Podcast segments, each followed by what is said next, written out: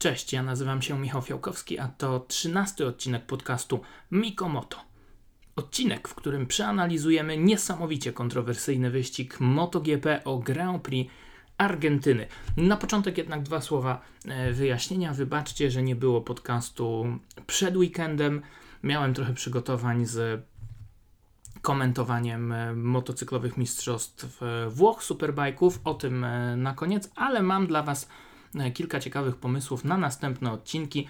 E, zejdziemy trochę z tych tematów bieżących związanych z MotoGP e, i mam nadzieję, że podzielę się z Wami kilkoma ciekawostkami, które Was zaintrygują, ale o tym później. Skupmy się na tym, co działo się w Argentynie, bo działo się naprawdę bardzo, bardzo dużo. O ile podczas pierwszej rundy w Katarze wszystko przed samym wyścigiem było wyłożone jakby na dłoni, no bo mieliśmy te trzydniowe testy, mieliśmy e, treningi, kwalifikacje, wszystko się odbywało przy w miarę stałej pogodzie i z dosyć dużą łatwością mogliśmy przewidzieć to, co się stanie. Pamiętacie, ja mówiłem już po testach, że e, i przed Grand Prix Kataru, że Joan Zarco nie wygra wyścigu i tak dalej. On mimo świetnego tempa e, faktycznie tego wyścigu nie wygrał. No z jednej strony można było być trochę rozczarowanym, bo za łatwo było ten wyścig przewidzieć.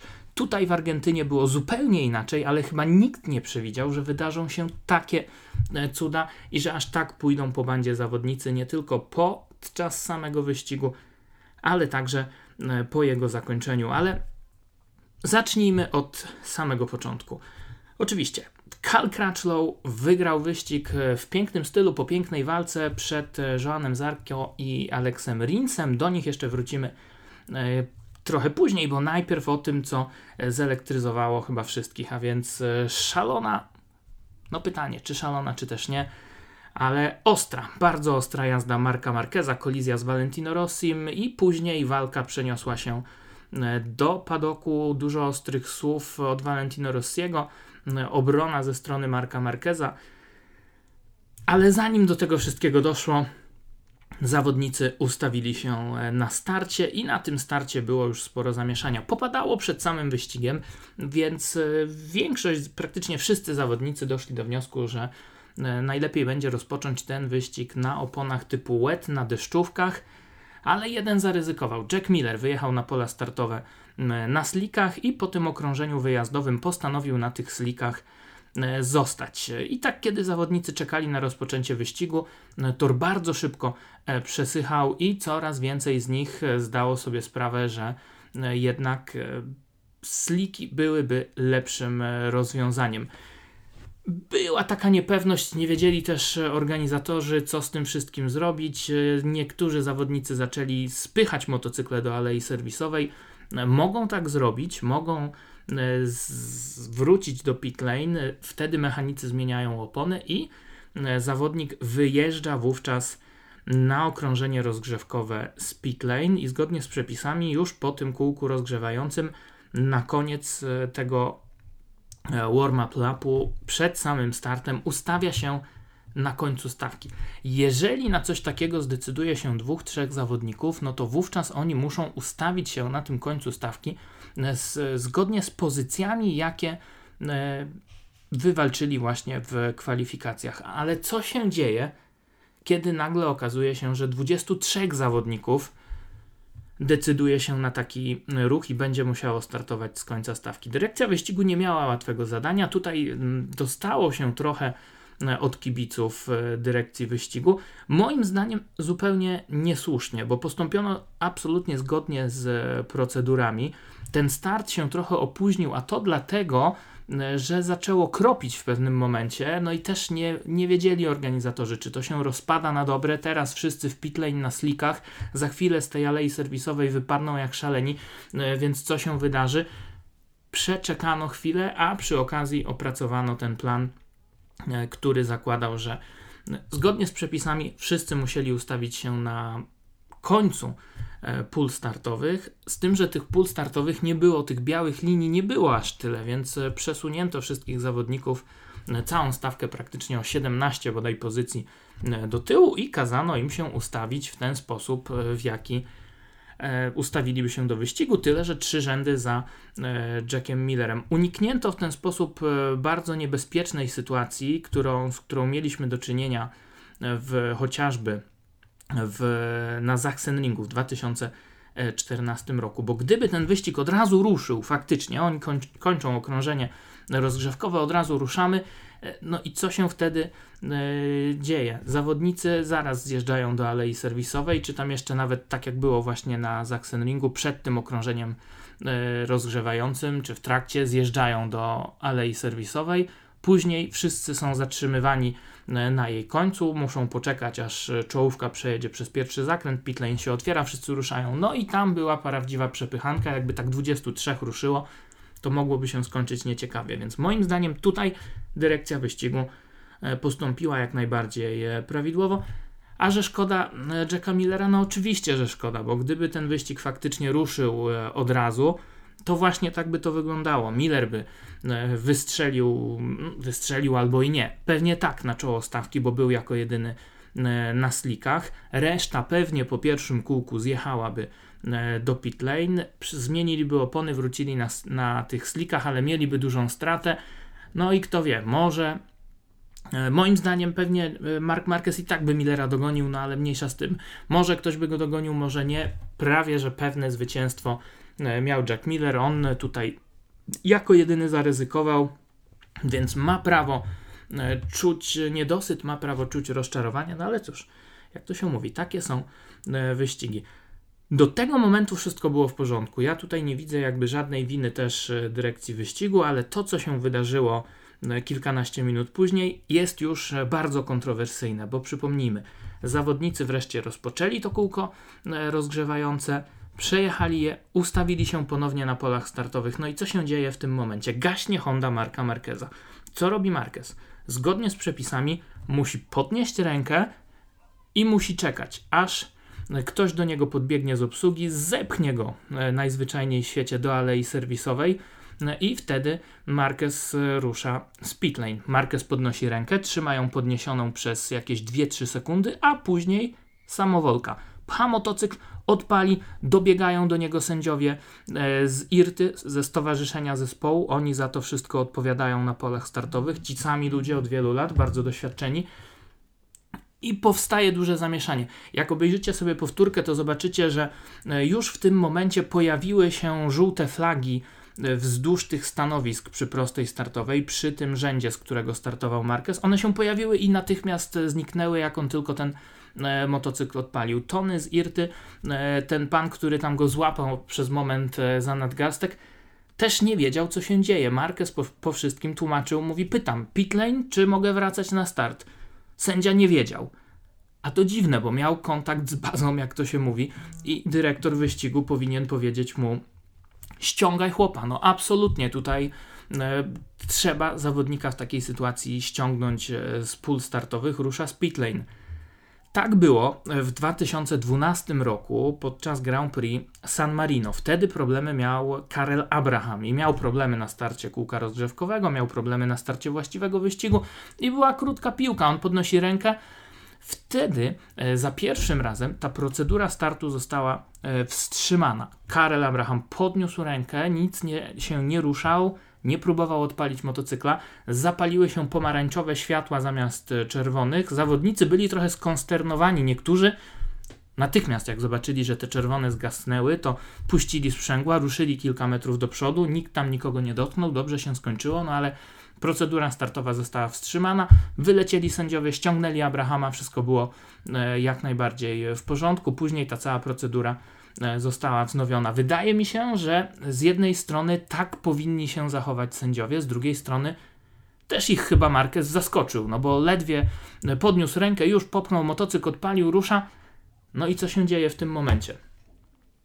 Tutaj dochodzimy do takiej kontrowersyjnej trochę kwestii. Ktoś powiedział, no tak, jakby to był Abraham właśnie, czy tam ktoś inny, to, to zaraz by go ściągnęli, jak Marquez to nie ściągają. Przepisy przepisami, ale ostatnie słowo zazwyczaj zależy właśnie do dyrekcji wyścigu, na wypadek, gdyby działy się jakieś nieprzewidziane rzeczy. I bardzo możliwe, że Mike Webb, dyrektor wyścigu, powiedział temu sędziemu przez radio mm, e, w tym momencie: Dobra, zostaw, puść go, niech jedzie.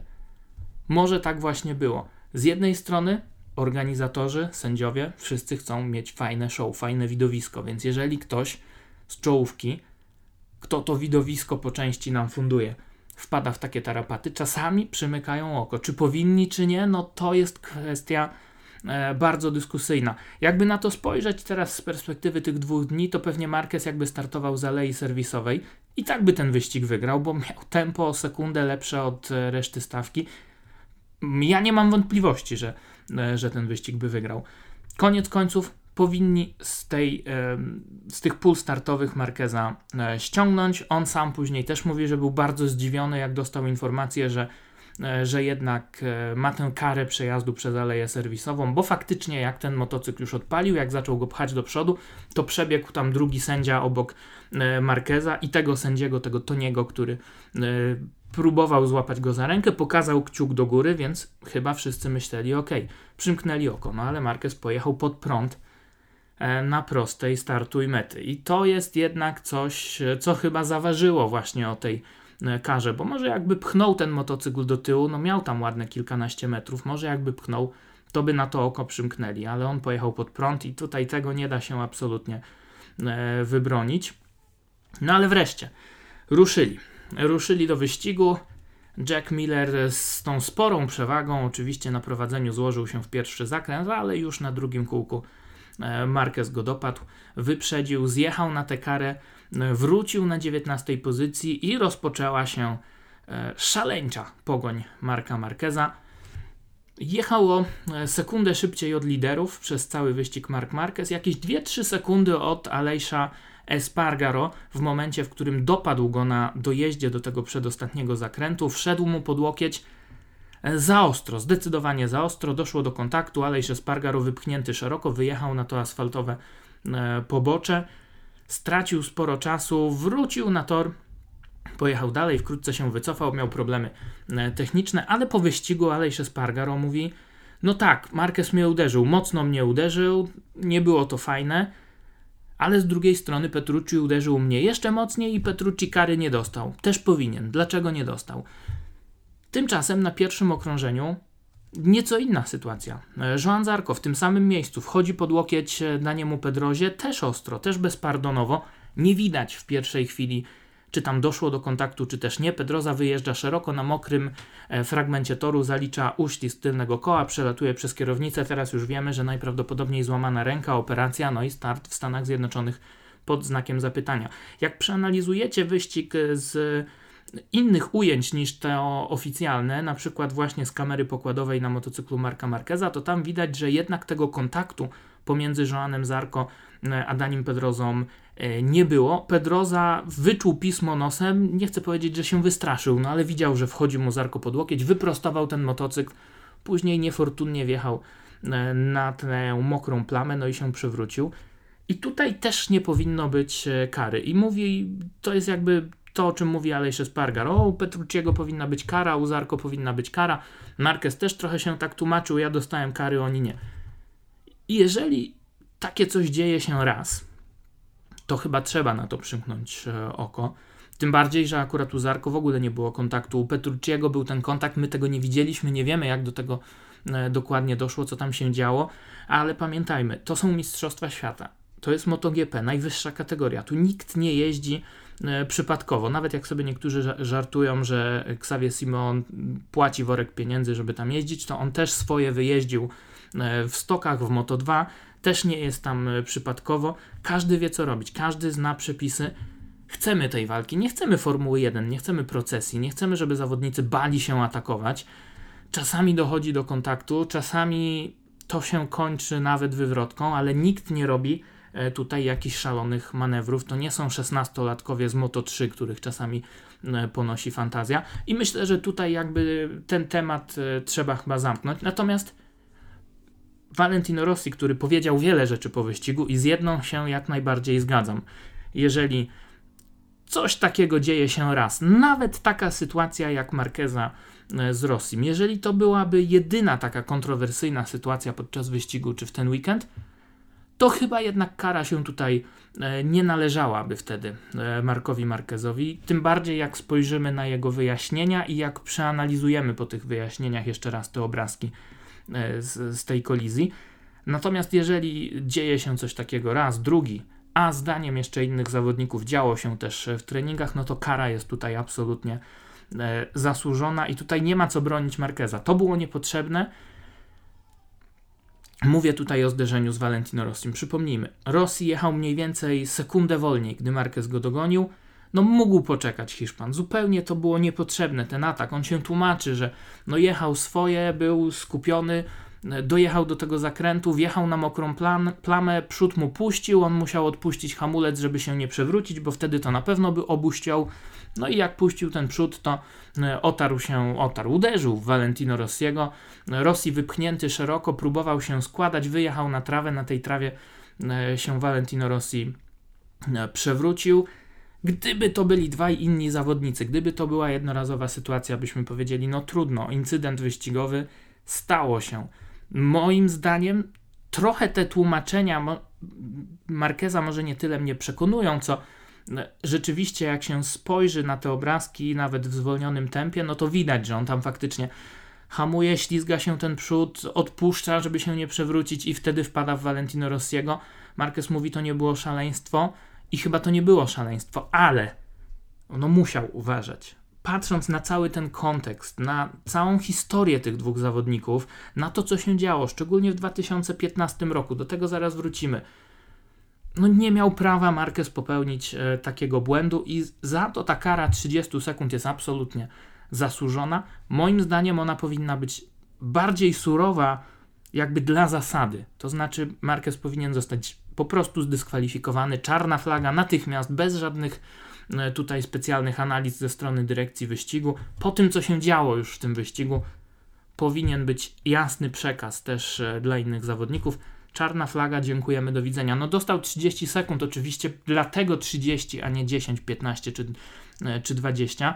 Tak sobie to sprytnie oczywiście organizatorzy wyliczyli, żeby po prostu po tej karze był sklasyfikowany bez punktów, więc jakby efekt jest taki sam. Marquez punktów nie zdobył, mimo że pomijając te incydenty, tak, no to jednak pojechał niesamowicie. No, narzucił tempo o sekundę szybsze e, niż wszyscy inni, więc to w pewnym sensie to był majstersztyk. No ale niestety na ten majstersztyk e, cień rzuciły te e, kontrowersyjne sytuacje.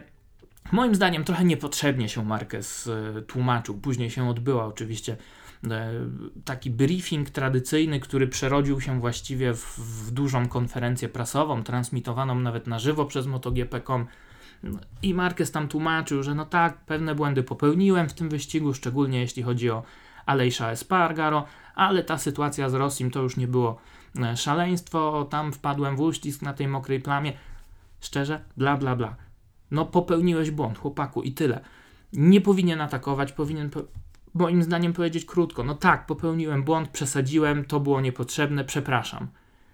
Ta dyskusja trochę niepotrzebna. Tego mi zabrakło e, u Marka Marqueza. No oczywiście poszedł do, do boksu, do Valentino Rossiego, poszedł e, przeprosić, e, poszli razem z nim menadżer zespołu Alberto Pucz, osobisty menadżer Emilio Alzamora. Valentino Rossi naturalnie nie chciał w boksie no nie wiem czy naturalnie, ale nie chciał z Markiem Marquezem e, rozmawiać, odwrócił się do niego plecami.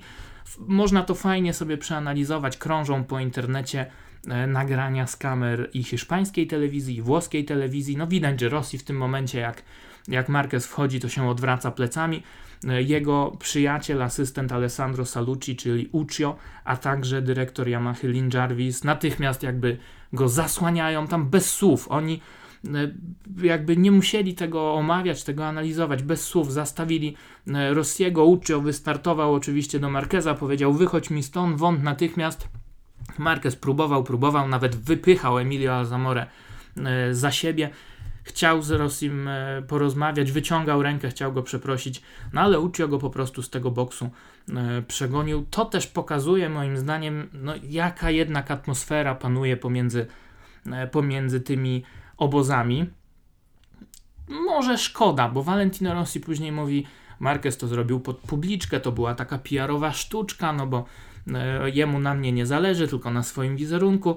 No a przecież sam Valentino Rossi w 2011 roku, jak ściął Casey'a Stonera e, w Jerez w pierwszym zakręcie, po takim no też zbyt optymistycznym manewrze, popełnił błąd, przewrócił się, ściął Stonera, e, ale się podniósł, dojechał do mety po wyścigu, wrócił do boksu, poszedł do boksu właśnie Repsol Hondy, nie ściągnął nawet kasku, niektórzy sobie żartowali, że może się bał, że będzie chciał Casey Stoner zabrać go do ringu.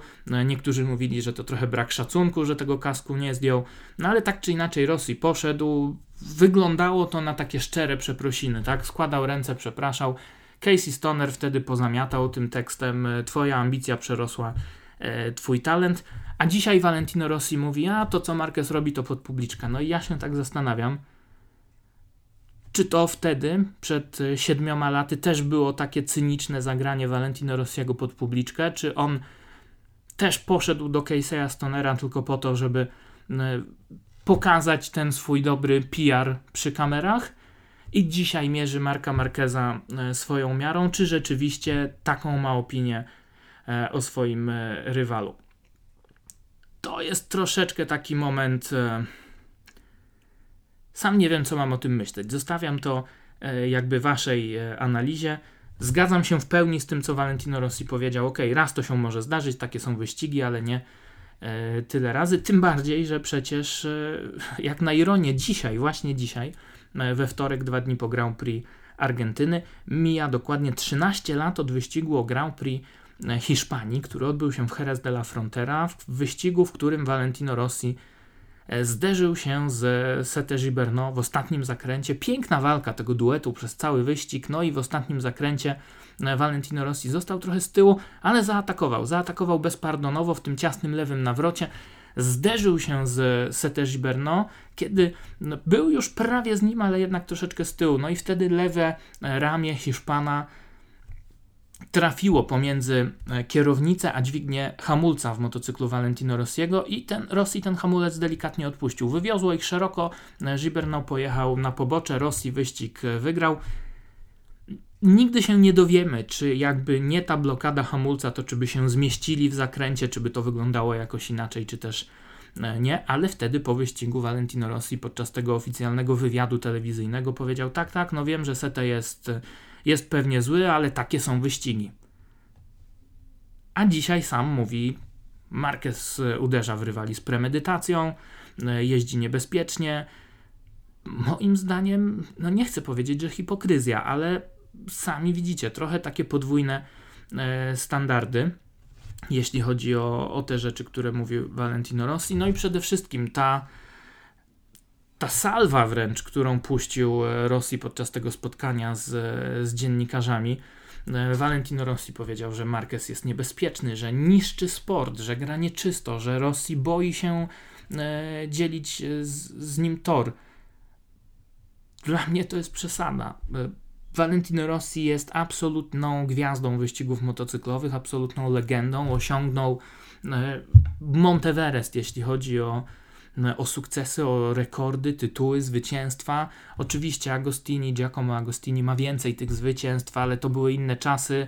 E, zresztą będę o tym opowiadał w jednym z najbliższych odcinków podcastu, jak to wyglądało w latach 60., 70. Wtedy sprzęt odgrywał bardzo dużą rolę, e, dlatego moim zdaniem te wygrane Valentino Rossiego chyba bardziej wartościowe niż te zwycięstwa e, Agostiniego sprzed lat. No i tutaj Valentino Rossi jest absolutną gwiazdą, ale i nawet ktoś mi zarzucił e, dzisiaj na Facebooku, że nie powinienem się czepiać, e, co mówi po wyścigu Valentino Rossi, bo on jest zdenerwowany i tak dalej. A ja mam inne zdanie, bo jednak Valentino Rossi miał dobre pół godziny, może chyba nawet z 40 minut po wyścigu, żeby ochłonąć, żeby sobie to przeanalizować, e, żeby zaplanować, co powiedzieć, bo pamiętajcie, ci zawodnicy, oni tak nie, jak to się brzydko mówi, nie chlapią jęzorem. Oni nie mówią tego, co im ślina na język przyniesie, tylko w takich sytuacjach dokładnie sobie opracowują, co powiedzieć, jak to można jeszcze jakoś wykorzystać. Tak było, pamiętacie, po, po tym, właśnie po tej sytuacji z Jerez. Mark Marquez to jakby skopiował w 2013 roku i wyprzedził w taki sam sposób w Jerez w ostatnim zakręcie Jorge Lorenzo i wtedy Lorenzo też po wyścigu e, przed oficjalną konferencją prasową zamknął się ze swoim e, PR-owcem, który właśnie z nim przerabiał tę konferencję, jakby zadawał mu pytania. Ten PR-owiec doskonale wiedział, o co będą dziennikarze pytać. Lorenzo mógłby się dać czymś zaskoczyć, więc przerobili sobie dokładnie tę taką potencjalną konferencję i Lorenzo później wiedział, co powiedzieć. Wybrnął z tego wszystkiego, powiedzmy, w twarzy, z twarzą, nie rzucał tam jakichś ostrych e, zarzutów. I z Rossim było podobnie. Przeanalizował sobie to wszystko, wyszedł do dziennikarzy. Moim zdaniem mógł tutaj bardzo wiele zyskać, pokazać się jako ten, który jest ponad tym, powiedzieć: OK, stało się. No cóż, przykro mi, trudno y, nawet trochę Marquezowi, mówiąc kolokwialnie, pocisnąć. Ale te teksty o tym, że Marquez niszczy sport, że on uderza specjalnie w innych zawodników, że tak wsadza nogę pomiędzy twoją nogę a motocykl, żebyś ty się przewrócił, a nie on. W ogóle po co to? Przede wszystkim y, akurat ci dwaj zawodnicy mają ogromną odpowiedzialność. Raz, ogromne sukcesy jednego i drugiego. Dwa, no są na uprzywilejowanej pozycji. Cały czas jest o tym dyskusja, tak? Czy organizatorzy faworyzują Markeza, tak jak to było na, na polach startowych e, w niedzielę? Czy organizatorzy faworyzują Rossiego, tak jak to też było e, nieraz podczas wyścigu? Ale w związku z tym, moim zdaniem, akurat ta dwójka ma pewną odpowiedzialność, bo na nich patrzą młodzi zawodnicy, oni się od nich uczą, oni no, chcą być tacy jak oni, oni to później kopiują na torze. No i chcemy tego właśnie, żeby jeździli z premedytacją, żeby cisnęli sobie tak bardzo e, pomiędzy wyścigami. Nie, to jest moim zdaniem e, ślepa uliczka. Tym bardziej patrząc na to, co Marquez robi, bo czy on niszczy sport? Te jego sukcesy z ostatnich lat, te wyniki, te, e, te spektakularne zwycięstwa, ta spektakularna jazda, moim zdaniem Marquez tchnął jakby nowe życie w, w MotoGP. Ja go wcale nie bronię, żeby nie było, żebyście nie pisali później, a Mig bronisz Marqueza znowu i tak dalej. Swoją drogą 8 lat komentowałem MotoGP i po każdym wyścigu były e, takie komentarze, że faworyzuje tego, faworyzuje tamtego, e, dzisiaj Rossiego, jutro Marqueza, jeszcze wcześniej Stonera. Nie, zupełnie tak nie jest. Ja staram się naprawdę być w 100% obiektywny to nie jest tak, że mam jakiegoś swojego faworyta. Jak byłem dzieciakiem, jak dorastałem z tym sportem, oczywiście e, podziwiałem Valentino Rossiego, wcześniej podziwiałem Mika Duena. Później odkryłem ten sport z trochę innej strony, zobaczyłem, że to nie tylko Valentino Rossi, to nie tylko Mick Duen, e, to są też inni zawodnicy i zawsze staram się być obiektywny i nawet prywatnie. To nie jest tak, że mam jakiegoś jednego swojego e, faworyta, kibicuję po prostu tej dyscyplinie, tym wyścigom e, i dlatego staram się tutaj być e, obiektywny, ale pewne rzeczy trzeba powiedzieć e, wprost. Valentino Rossi przesadził po wyścigu, Mark Marquez przesadził podczas wyścigu, natomiast no nie można też zapominać o tym, że oni mają swoją historię, tak? No wszystko zaczęło się przecież właśnie w Argentynie w 2015 roku, e, kiedy to Marquez, no można powiedzieć, wjechał w tylne koło Rossiego, bo był z tyłu, różnie to ludzie interpretowali. No moim zdaniem cóż stało się, tak? Czy, czy e, tam było jakieś drugie dno, czy też nie, tego się nigdy nie dowiemy. Stało się. Marquez poirytowany, Zagrał później ostro Wasen, wszedł Rossiemu pod łokieć w ostatniej szykanie, Rosji wypchnięty na pobocze, odwinął na tym poboczu gaz, wygrał wyścig, Marquez wściekły mówi, no jak to, tak można jeździć, tak można wygrywać. Rosji był górą. Czy później Marquez faktycznie spowalniał ten wyścig w Australii, tak jak Rosji sugerował? Nie chce mi się w to wierzyć. No ale Rosji takie ostre działa wytoczył przed Grand Prix Malezji w 2015 roku i to na pewno Marqueza rozsierdziło ewidentnie robił w tym wyścigu Marquez wszystko, żeby jakby wybić Valentino Rossiego e, z równowagi.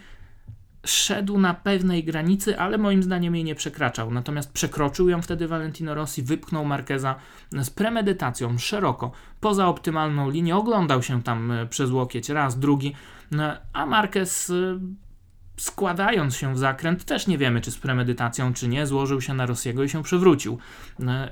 Później wszyscy wiemy, co się stało. Rossi dostał karę, startował z końca stawki, Lorenzo zdobył tytuł, Marquez nie atakował. E, Lorenzo w tamtym wyścigu, niektórzy mówili specjalnie, pomagał mu, Rossi też tak mówił, że to wszystko ustawione, że Hiszpanie tu przeciwko niemu, więc jakby historia jest bardzo, e, bardzo długa i skomplikowana. Później oczywiście pogodzili się e, po tym tragicznym wypadku Luisa Saloma podczas Grand Prix Barcelony w 2016 roku, podali sobie ręce, ale obaj przyznają, że to było pod publiczkę. No, chodziło o to, żeby ten topór wojenny przynajmniej e, z pozoru zakopać. Nawet Rosji przedwczoraj powiedział, tak jest łatwiej. E, mówiłem mu cześć i na tym kończyła się nasza e, relacja. Teraz ten topór znów wykopany, no i oby tylko znów nie doprowadziło to do takich napięć, do takich sytuacji, jakie mieliśmy w poprzednich sezonach, no bo pamiętacie chociażby, co się działo, e, kiedy tam nieodżałowany zresztą Marco Simoncelli i, i Dani Pedroza zderzyli się na torze w Le Mans. No z winy jednak e, Marco Simoncellego, ale okej, okay, też ktoś mógłby powiedzieć incydent wyścigowy, e, ale kibice hiszpańscy przecież wysyłali pogróżki, grozili Simoncellemu śmiercią. On musiał wziąć ochroniarzy dwa tygodnie po tamtym wyścigu na Grand Prix Katalonii. No tego nie chcemy, nie chcemy tych gwizdów, tak? Co się działo w Katarze? Marquez na podium, kibice gwiżdżą. Po co nam to? Moim zdaniem to jest bez sensu i, i ja bym takiej eskalacji nie chciał e, po raz kolejny. Niestety problem polega na tym, że trafił swój na swego. Valentino Rossi miał wielu rywali w swojej karierze. Był Sete Gibernau, był Max Biaggi, był Casey Stoner, ale nigdy nie miał rywala, który jest kilkanaście lat młodszy, który jest piekielnie szybki i który te wszystkie sztuczki Rossiego dokładnie przeanalizował, potrafi je odtworzyć i może czasami gra cynicznie, może ten uśmieszek jest fałszywy, może nie, nie wiem, trudno to ocenić. Natomiast trafił swój na swego, jest dwóch bardzo szybkich rywali i niestety mamy taką sytuację, e, jaką mamy. Dla mnie bardzo ciekawe w tym wszystkim jest to, że jednak e, Valentino Rossi zawsze słynął z tego, że nie marnował amunicji. On się wdawał w te psychologiczne gierki, prawda? Ze wszystkimi. Z Melandrim, z Biagim, z Gibernau, ze Stonerem, ale tylko w momencie, w którym oni naprawdę zagrażali mu na torze, zagrażali mu w, w sięganiu po zwycięstwa, w sięganiu po tytuły. Kiedy byli za nim, wszystko było w porządku, nawet jak czasami sobie wygrali, nawet jak czasami powalczyli, wszystko było ok. Ale kiedy robiło się poważnie, Rosji zawsze wyciągał jakiegoś asa z rękawa, zawsze e, wychodziły jakieś psychologiczne gierki. Nigdy tego nie robił wobec kogoś ze środka stawki, nawet jak tam kiedyś Alejsze Spargaro mu zajechał drogę w Mizano Rossi pokazał mu środkowy palec, ale później niespecjalnie drążył temat, prawda? Tutaj, w tym przypadku, w tym sezonie, jednak moim zdaniem, jak sobie przeanalizujemy tempo zawodników podczas testów, podczas tych pierwszych wyścigów, no to Marquez jest w innej lidze, tak? Marquez jest dużo szybszy niż Valentino Rossi, a mimo wszystko Rossi atakuje go tak ostro. Czy to jest frustracja doktora, czy może jednak Valentino Rossi jest szybszy niż nam się wydaje i czy może jednak Valentino Rossi będzie w tym sezonie w stanie powalczyć o tytuł, a wtedy dojdzie do kolejnej konfrontacji z Marquezem. Przekonamy się, w 2015 roku to się wszystko działo pod koniec sezonu, teraz ta bomba wybucha już na samym początku, więc e, no, z jednej strony trochę się boję tego, co się wydarzy w kolejnych wyścigach. Zamykając jeszcze tylko ten wątek, niektórzy mówili, powinien teraz Marquez jeszcze dostać jakąś e, większą karę, bo przecież nawet Rossi i Lin Jarvis byli u dyrekcji wyścigu i to nie tak, jak nawet sugerowałem na, na Twitterze, bo zazwyczaj tak jest, że po takich incydentach dyrekcja wyścigu wzywa zawodników do siebie na analizę. No, tutaj z własnej inicjatywy Rossi i Jarvis poszli do Yamahy. Nie chcę powiedzieć, że na skargę, ale tak, tak było. Poszli się poskarżyć, poszli powiedzieć, trzeba zrobić coś bardziej stanowczego, trzeba tego Markeza jakoś mocniej ukarać. Niektórzy mówią, niech startuje w Austin z końca stawki. Moim zdaniem trochę to absurdalne. Po pierwsze, jakby zgodnie z przepisami on nie może być ukarany dwa razy za to samo, więc już wiemy, że żadnej dodatkowej kary nie będzie. Po drugie, gdyby była, no to znów byśmy mieli taką sytuację, że dużo szybszy Marquez wyprzedza innych zawodników i, i robi się e, niebezpiecznie.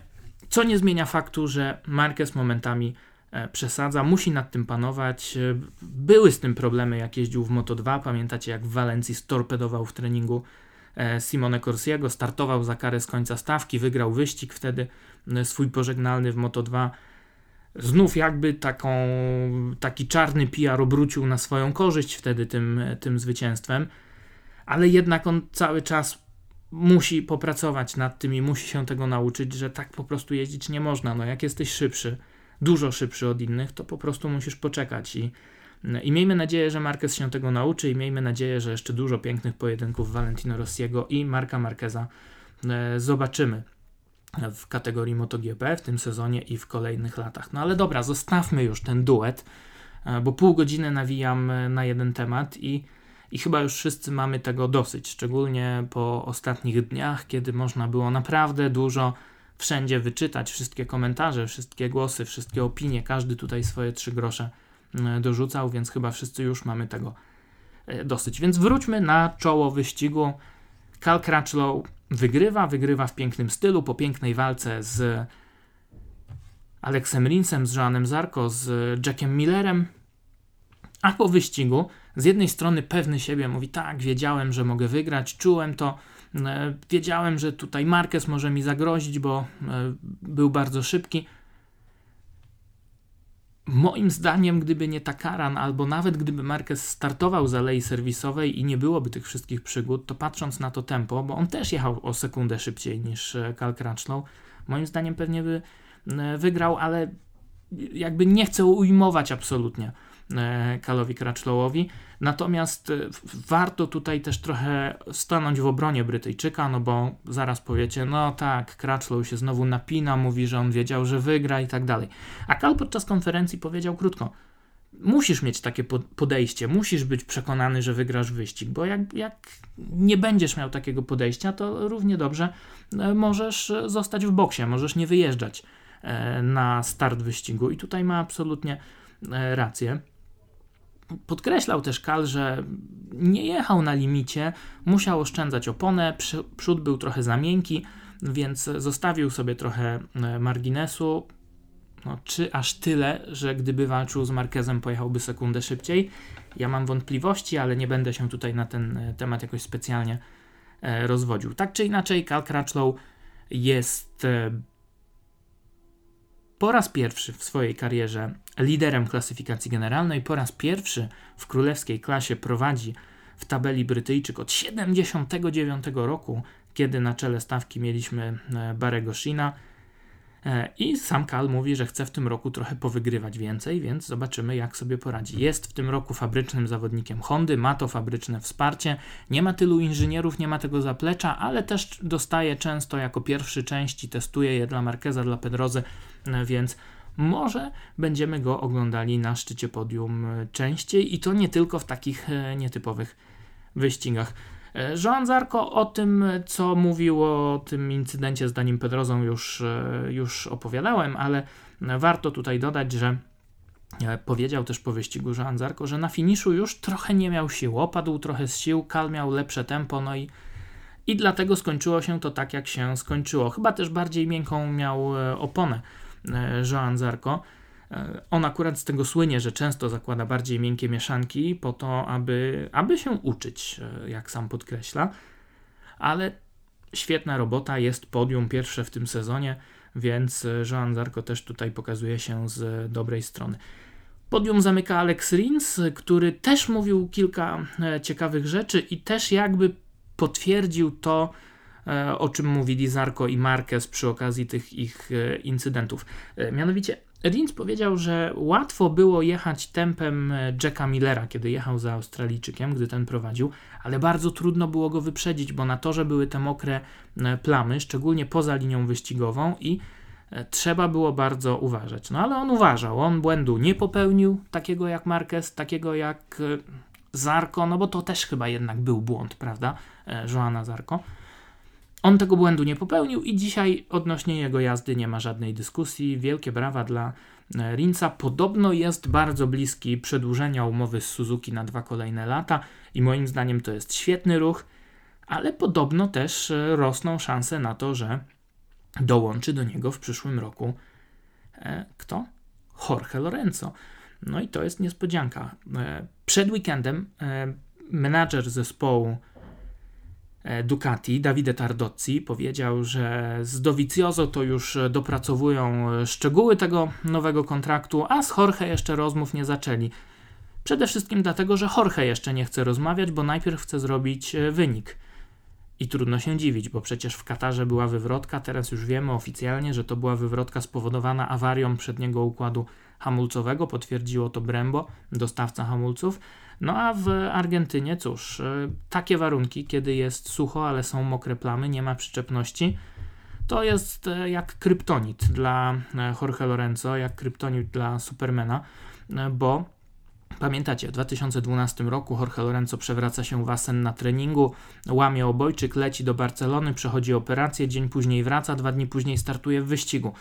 Ale później, kiedy są takie warunki, kiedy jest mokro, kiedy jest niepewnie, nie ma przyczepności, u Lorenzo kompletny paraliż. I on tego nie ukrywa, on o tym mówi otwarcie, pojawia się blokada, on nie potrafi pojechać tak, jak umie. Tak było właśnie w Argentynie, chociaż pod koniec wyścigu te ostatnie 6, 7, 8 okrążeń Lorenzo jechał tempem e, do Vicioso, Rabata. Oni ukończyli ten wyścig na 6 i 7 pozycji. Ostatecznie był 16, ale Marquez dostał karę, więc Lorenzo był 15, dostał e, jeden punkcik. No i jeszcze jedna tutaj ważna rzecz w kontekście takiego potencjalnego przejścia do e, Suzuki, mianowicie przed weekendem e, Jorge Lorenzo udzielił wywiadu włoskiej telewizji Movistar, no i tam powiedział, że Dovizioso przez całą karierę podkopuje jego morale, że cały czas właśnie są takie akcje, także w tym sezonie. Co prawda, z wielką radością oczywiście media, dziennikarze wyciągnęły sobie to z, z kontekstu i cytowały właśnie te słowa e, Jorge Lorenzo. Później Izaskun Ruiz, czyli e, prezenterka włoskiej, e, hiszpańskiej telewizji, która ten wywiad przeprowadziła, powiedziała, że czuje się bardzo niekomfortowo, bo to tak nie do końca tak wyglądało. Tam było pytanie, to była odpowiedź, to zostało wyciągnięte z kontekstu i, i trochę postawiło Jorge Lorenzo w, w złym świetle, ale to też pokazuje, że tam cały czas są napięcia pomiędzy e, tym duetem. Ja już Wam kiedyś opowiadałem, jak oni się poznali na torze w 2001 roku w czeskim moście. E, Lorenzo walczył z Dovizioso w swoim pierwszym wyścigu w Mistrzostwach Europy. E, Dovizioso starszy, wtedy trochę bardziej doświadczony, mówili Lorenzo uważaj na niego, bo on atakuje na finiszu. No i Dovizioso faktycznie zaatakował w ostatnim zakręcie, wygrał wyścig, Lorenzo się popłakał, nie chciał wejść na podium, no ale miał 13 lat wtedy, więc można mu, można to zrozumieć, prawda? Natomiast od samego początku gdzieś tam te e, kontrowersje były, bo później też Dovizioso zawsze narzekał w 250, że Lorenzo ma lepszy sprzęt, później Lorenzo mówił, no tak, bo Dovizioso to zawsze narzeka, że ma gorzej i tak dalej, i tak dalej, więc tam zawsze jakieś tarcia są, a teraz, kiedy Dovizioso w zeszłym roku zrobił jednak lepszy wynik niż Lorenzo, będzie pewnie zarabiał więcej e, w przyszłym roku, e, no to Lorenzo jest na straconej pozycji i może z takiego powiedzmy toksycznego środowiska może jednak lepiej się ewakuować do Suzuki. No, tam też chyba łatwo nie będzie z Rincem, ale może to jest jakieś wyjście. Tym bardziej, że ten motocykl wciąż motocykl i Jorge Lorenzo się nie dogadują. Można powiedzieć, że Lorenzo był przegrany tego weekendu w Argentynie, ale chyba takim niespodziewanym wygranym był właśnie Andrea Dovizioso, który e, ukończył e, sam wyścig na szóstej pozycji, a więc e, zdobył 10 punktów, no ale jego główni rywale w klasyfikacji generalnej nie punktowali. Marquez ukarany, Rossi na deskach, więc sporo tutaj Dovizioso ugrał. Z jednej strony Ducati zawsze miało w Austin i w Argentynie problemy. Oni się spodziewali, że to będzie trudny e, weekend. Ducati nie lubi takich płynnych, szybkich torów. I Dovizioso podkreśla, że ten weekend też to potwierdził. Ale z drugiej strony e, pojechał bezbłędnie, dojechał do mety, trochę punktów zdobył. Po wszystkim przyznał, Miller był wyżej, bo Jack Miller, przypomnijmy, był e, czwarty. Ale Miller jeździ trochę inaczej i tutaj u Millera ten styl zrobił różnicę. Jakby też oddał Millerowi to, na co Australijczyk e, zasłużył. Ale jednak widzimy, że cały czas Ducati ma te problemy, cały czas e, to nie jest tak konkurencyjny pakiet jak Honda, która jest szybka na każdym torze. Trudny weekend przed Dovizioso w Austin, bo tam też Ducati radziło sobie różnie, chociaż z potencjałem na, na podium. Ale tak czy inaczej, Andrea Dovizioso wysoko, bo na drugim miejscu teraz w klasyfikacji generalnej. No i jest w bardzo dobrej e, sytuacji. Czwarty na mecie Jack Miller. Szkoda, że tego podium zabrakło. E, bohater kwalifikacji. Pojechał genialne e, kwalifikacje, później genialne wypowiedzi. Też mówił, że czuł się jak pasażer, że ten motocykl zawsze do ciebie mówi, przekazuje ci wskazówki, ale on nie słuchał, ryzykował. Zaryzykował też przed wyścigiem. No szkoda, że nie było tej nagrody e, w postaci podium, ale punkty cenne były. Jack nie popełnił jakiegoś żadnego większego błędu, więc wielkie słowa uznania e, dla niego. Ciekawe rzeczy mówił z kolei po wyścigu Maverick Vinales, który finiszował na piątej pozycji i on podkreślał, że może wynik nie jest jakiś rewelacyjny, ale dużo się nauczyli. E, dużo zrozumieli, dużo też podejrzeli od konkurencji, jeśli chodzi o samą jazdę, i wyciągną z tego wnioski. Ciekawą rzecz zaznaczył też Hiszpan. Powiedział: Teraz już jesteśmy bezpieczni z oponami, więc możemy być bardziej agresywni. I zastanawiam się, czy to jest tylko kwestia takich warunków, jak było w Argentynie, e, kiedy nie było tej przyczepności, wilgotny tor przesychający, czy jednak rzeczywiście rozwiązali te problemy ze zużyciem tylnej opony i teraz mogą iść bardziej agresywnie z ustawieniami i dzięki temu będą szybsi. Nie wiem, czy się przekonamy w Austin, bo tam Yamaha zawsze miała duże problemy, szczególnie z przodem, ze zużyciem też opon. Nie wiem, czy się przekonamy w Jerez, bo tam były duże problemy w zeszłym roku, ale jeżeli w Jerez będą szybcy Vinales i Rossi, no to to może oznaczać, że rzeczywiście te problemy rozwiązali. Ciekawie będzie śledzić e, faktycznie ten, e, ten wątek. Tito Rabat, kolejny zawodnik, który, e, który imponował, który najpierw był czwarty w kwalifikacjach, później siódmy w wyścigu, więc bardzo dobra robota w wykonaniu byłego mistrza świata e, Moto2. Zaimponował też Hafiz e, Shiarin, który e, mimo kiepskich kwalifikacji w wyścigu był najlepszym debiutantem, ukończył wyścig na dziewiątej pozycji, no i po raz kolejny naprawdę, naprawdę robi kapitalną robotę. Danilo Petrucci całkiem nieźle na dziesiątej pozycji, Pole Spargaro 11, nie do, nie do końca zachwycony, ale Moim zdaniem, jak na KTM to jest e, niezły wynik. Zapunktował Scott Redding, zapunktowali też debiutanci Nakagami i e, Morbidelli. Duże problemy mieli e, chociażby Bautista, Karel Abraham, Xavier Simeon, który był ostatni.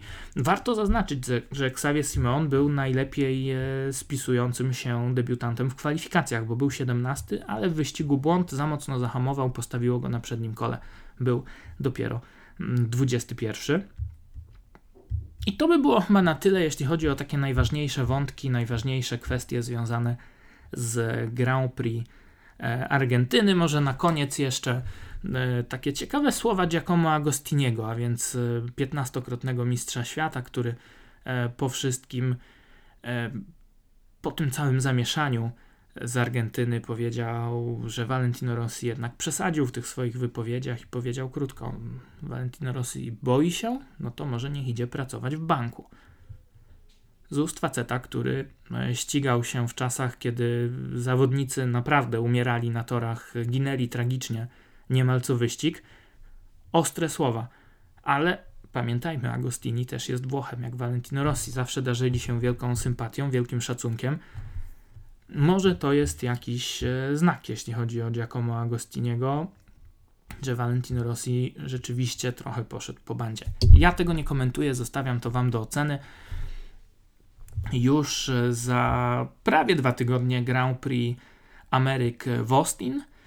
Będzie przed e, tym wyścigiem podcast, może nawet dwa odcinki, bo chciałbym właśnie zboczyć z tego tematu bieżących wydarzeń i poopowiadać Wam trochę ciekawostek, trochę innych rzeczy związanych z wyścigami, ale chciałbym też zakończyć ten dzisiejszy odcinek e, dwoma słowami na temat tego, co działo się w Mizano w miniony weekend. Mieliśmy tam mistrzostwa e, Włoch, pierwszą rundę mistrzostw Włoch. Łącznie te klasy mistrzowskie zaliczyły 10 wyścigów. Z wielką przyjemnością razem z Pawłem Szkopkiem komentowałem te wyścigi na antenie Kanal Plus Now. Będą te wyścigi przez cały sezon na platformie NC+. No i warto je oglądać, bo naprawdę piękne, piękne ściganie, kapitalna walka. No może w superbajkach trochę ten Michele Piro nam odjeżdża, ale za jego plecami jest ciekawie, a w pozostałych klasach no to naprawdę coś wspaniałego. Warto te wyścigi śledzić, nie tylko MotoGP, nie tylko Mistrzostwa Świata Superbajków, ale naprawdę Mistrzostwa Włoch, Mistrzostwa Hiszpanii, juniorskie Mistrzostwa Świata, Mistrzostwa Polski, tam często jest mnóstwo, mnóstwo e, Alpe Adria, mnóstwo naprawdę e, fajnych historii, fajnych wyścigów, no a przecież we włoskich mistrzostwach mamy w tym roku Daniela Blina i tutaj wielkie słowa uznania dla Blinka, który na nowym torze mimo dużych problemów, mimo awarii w oficjalnym treningu wolnym, mimo wywrotki w pierwszej kwalifikacji, opuszczonego jednego z trzech treningów e, w czwartek, a więc miał Daniel 40 minut tylko doświadczenia na suchym torze w Mizano, a mimo wszystko po starcie z 28 pola w sobotę w pierwszym wyścigu przebił się na 11 miejsce i był naprawdę blisko